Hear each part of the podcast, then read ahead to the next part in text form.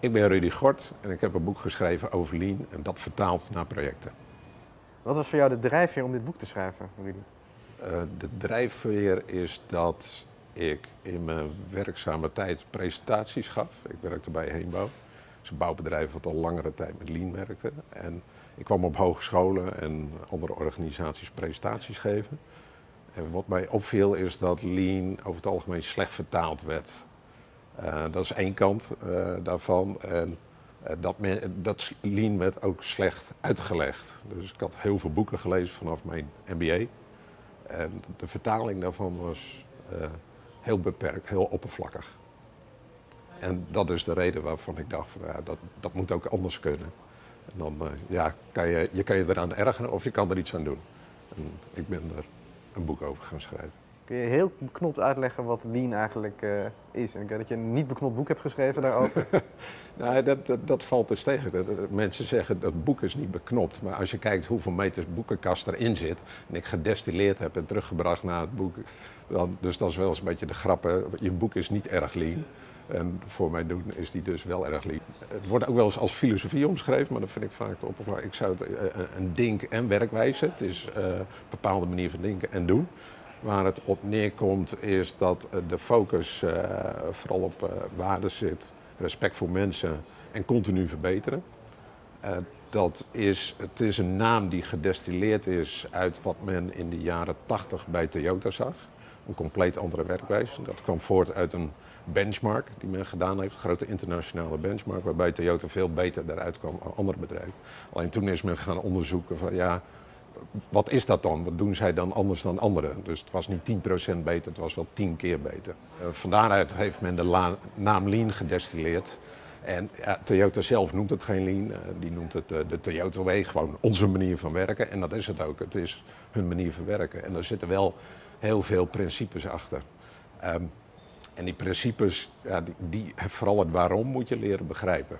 En dat komt hoofdzakelijk neer voor Toyota, als je het heel kort zegt van respect voor mensen en continu verbeteren. Dat zijn twee pijlers van hun. En dat wordt bij de meeste mensen al verkeerd begrepen, want die denken dat gaat alleen maar over verspillingen elimineren. Dat is wat ze leren in uh, uh, workshops, trainingen, dat soort zaken. Waarde creëren, verspillingen elimineren, stickertjes plakken. Wat is voor jou de essentie van schrijven? Wat is voor mij de essentie van schrijven is dat wat in je hoofd zit en allerlei kennis wat je hebt, dat, je dat, dat ik dat structureer. Dat was voor mij ook een kapstok. Ik was daar al mee bezig.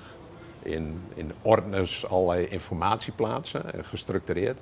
En in mijn verhaal ook, die uh, lezingen die ik gaf, zocht ik ook een model om allerlei informatie die je hebt, om dat op een gestructureerde, gestructureerde manier te vertellen.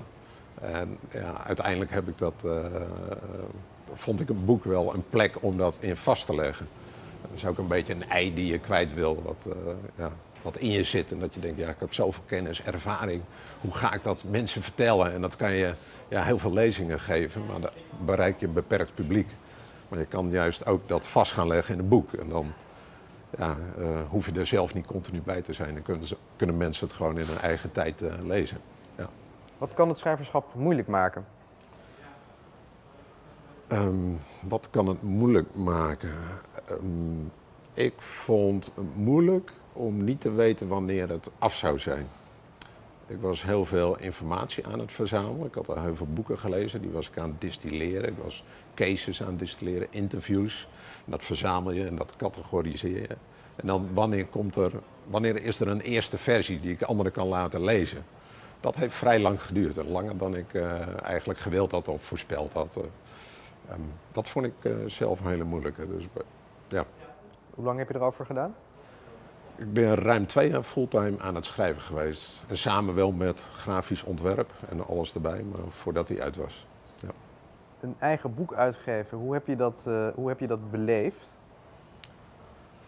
Uh, uh, ja, het bijzondere is dat ik niet echt het gevoel had in het begin van oh, ik ga een eigen boek uitgeven. Ik had wel vrij snel de keuze gemaakt, ook omdat ik mijn baan had opgezegd, dat ik echt fulltime ging schrijven. Ik ga het zelf uitgeven, want dan kan ik tenminste de, uh, weer wat inkomsten terughalen daaruit. En dan hou ik ook alle controle.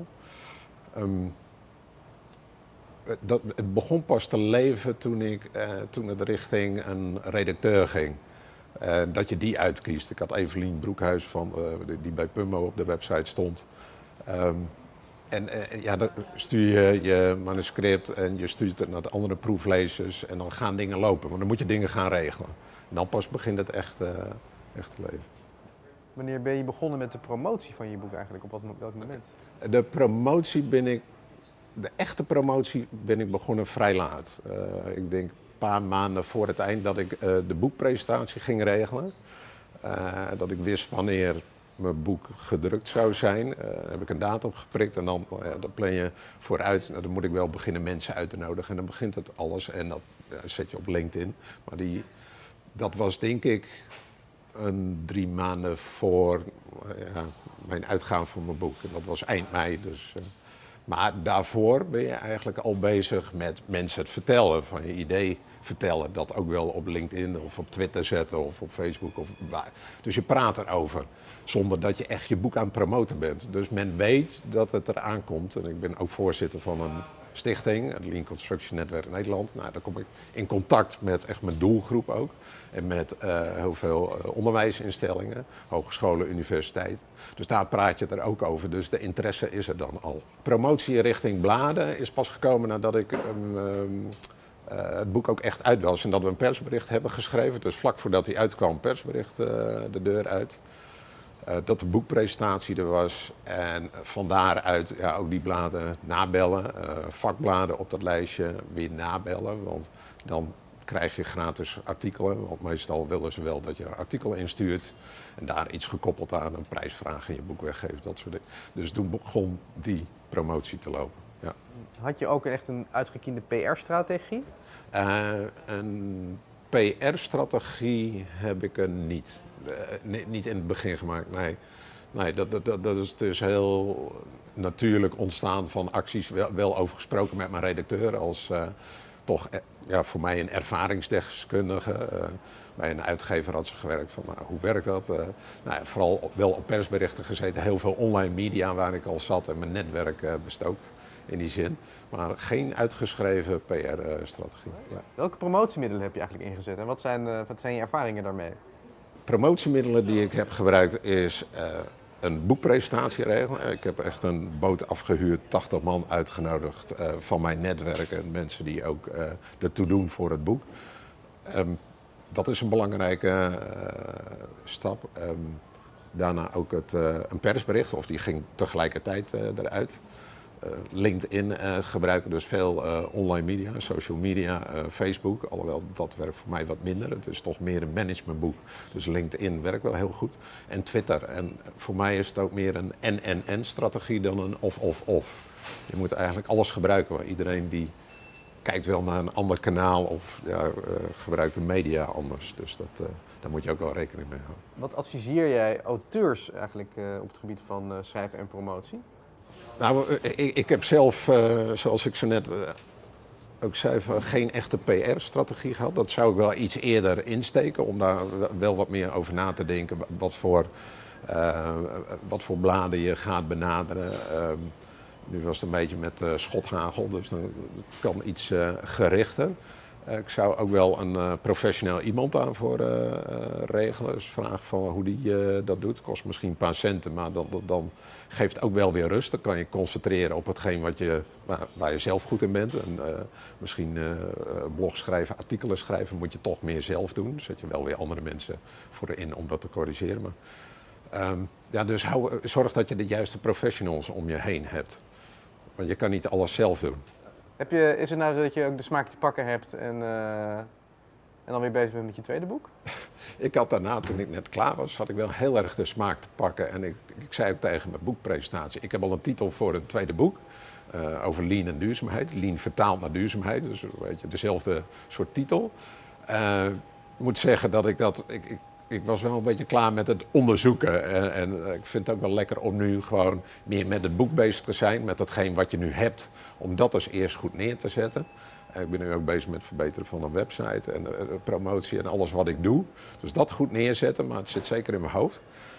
Om een compleet nieuw boek te schrijven. ik heb wel een idee om vrij snel nu na de vakantie een extract van het boek te schrijven. Want zoals je ziet, deze is vrij dik. Uh, wat minder toegankelijk en ook wel specialistisch in die zin. Um, en om wat meer basisboek te schrijven, dan kan er ook een lean basisboek uit destilleren. En dan heb je een heel toegankelijke versie, grotere markt. Dus, ja. dus in die zin heb ik zeker de smaak te pakken. Uh, dingen die ik anders zou doen, is dat ik toen ik het eerst mijn redactrice sprak, eerst, en we de verhaallijn hadden doorgesproken, vooral de, de, de, de nadat zij het boek had gelezen, dat ik wel tegen haar zei, ja, ik zit in mijn boek zelf te vertellen, te promoten, betrek zo vroeg mogelijk mensen met de juiste kennis.